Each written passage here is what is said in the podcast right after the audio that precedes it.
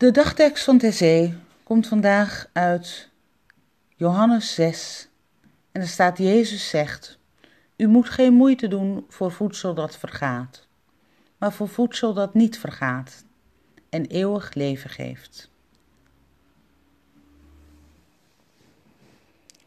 Ik vertrouw me toe aan de levende God.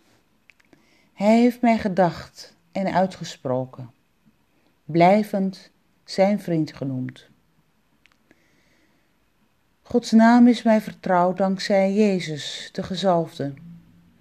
In zijn leven en dood hervind ik mijzelf.